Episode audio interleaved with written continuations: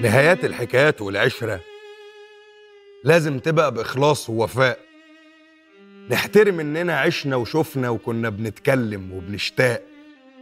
مش لازم يعني عشان خلصت تخلص بشماتة وقلة أصل. الشخص اللي اتربى كويس بيشوف إن النهايات أخلاق. مش شرط عشان ما بقاش في نصيب ننسى الأيام. نفضل نتلكك ونجرح ونشوه بعض بأي كلام. مش لازم يعني نكون أعداء ونخش حروب من غير داعي. أصلح بكتير إننا نهدى ونفكر نخلق بينا سلام. مش آخر الدنيا ولا العالم هيبوظ لو قررنا نعدي. الواحد فينا يشوف حاله ونرمي السلامات لما نعدي. نحترم الأيام الحلوة وما نجيش على بعض بأي كلام ونعيش بالعقل وبالمنطق. الأذى ما يجيبش ولا يودي. اوعى تصدق إن الأخلاق بتقلل من قيمة الإنسان.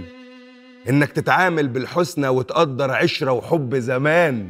أوقات الغضب اللي نحسه وقت أما الواحد بيفارق بيخلينا أشخاص أوحش بنلوش وخلاص أيا كان. بنعاقب بعض على الفاضي ونهين الود اللي ما بينا ندخل في خناق ملهوش داعي والحلو يموت سنة بسنة. لو بينا ولاد قوم نأذيهم واللي عملناه يطلع فيهم ونزيد في عناد وجدال فاضي وننسى ما وصى به ديننا. إن كنا دخلناها بمعروف يبقى نخلصها بالمعروف. توفيق ربنا بكرة يجيلك لسه هتكبر وتعيش وتشوف. فنحافظ على الفاضل في الود ونسيب بطريقة تليق بينا. الأصل الطيب في الشدة بيبان على حق ويعلينا. لو كان في بينا عيال مثلا هنسيب من غير ما نكسرهم. من غير ما يضيعوا في خلافاتنا وبالوقت يروحوا ونخسرهم. هنربيهم تربية تنفع ما تضرش على قدر الإمكان اللي يقدروا عشرة وأيام.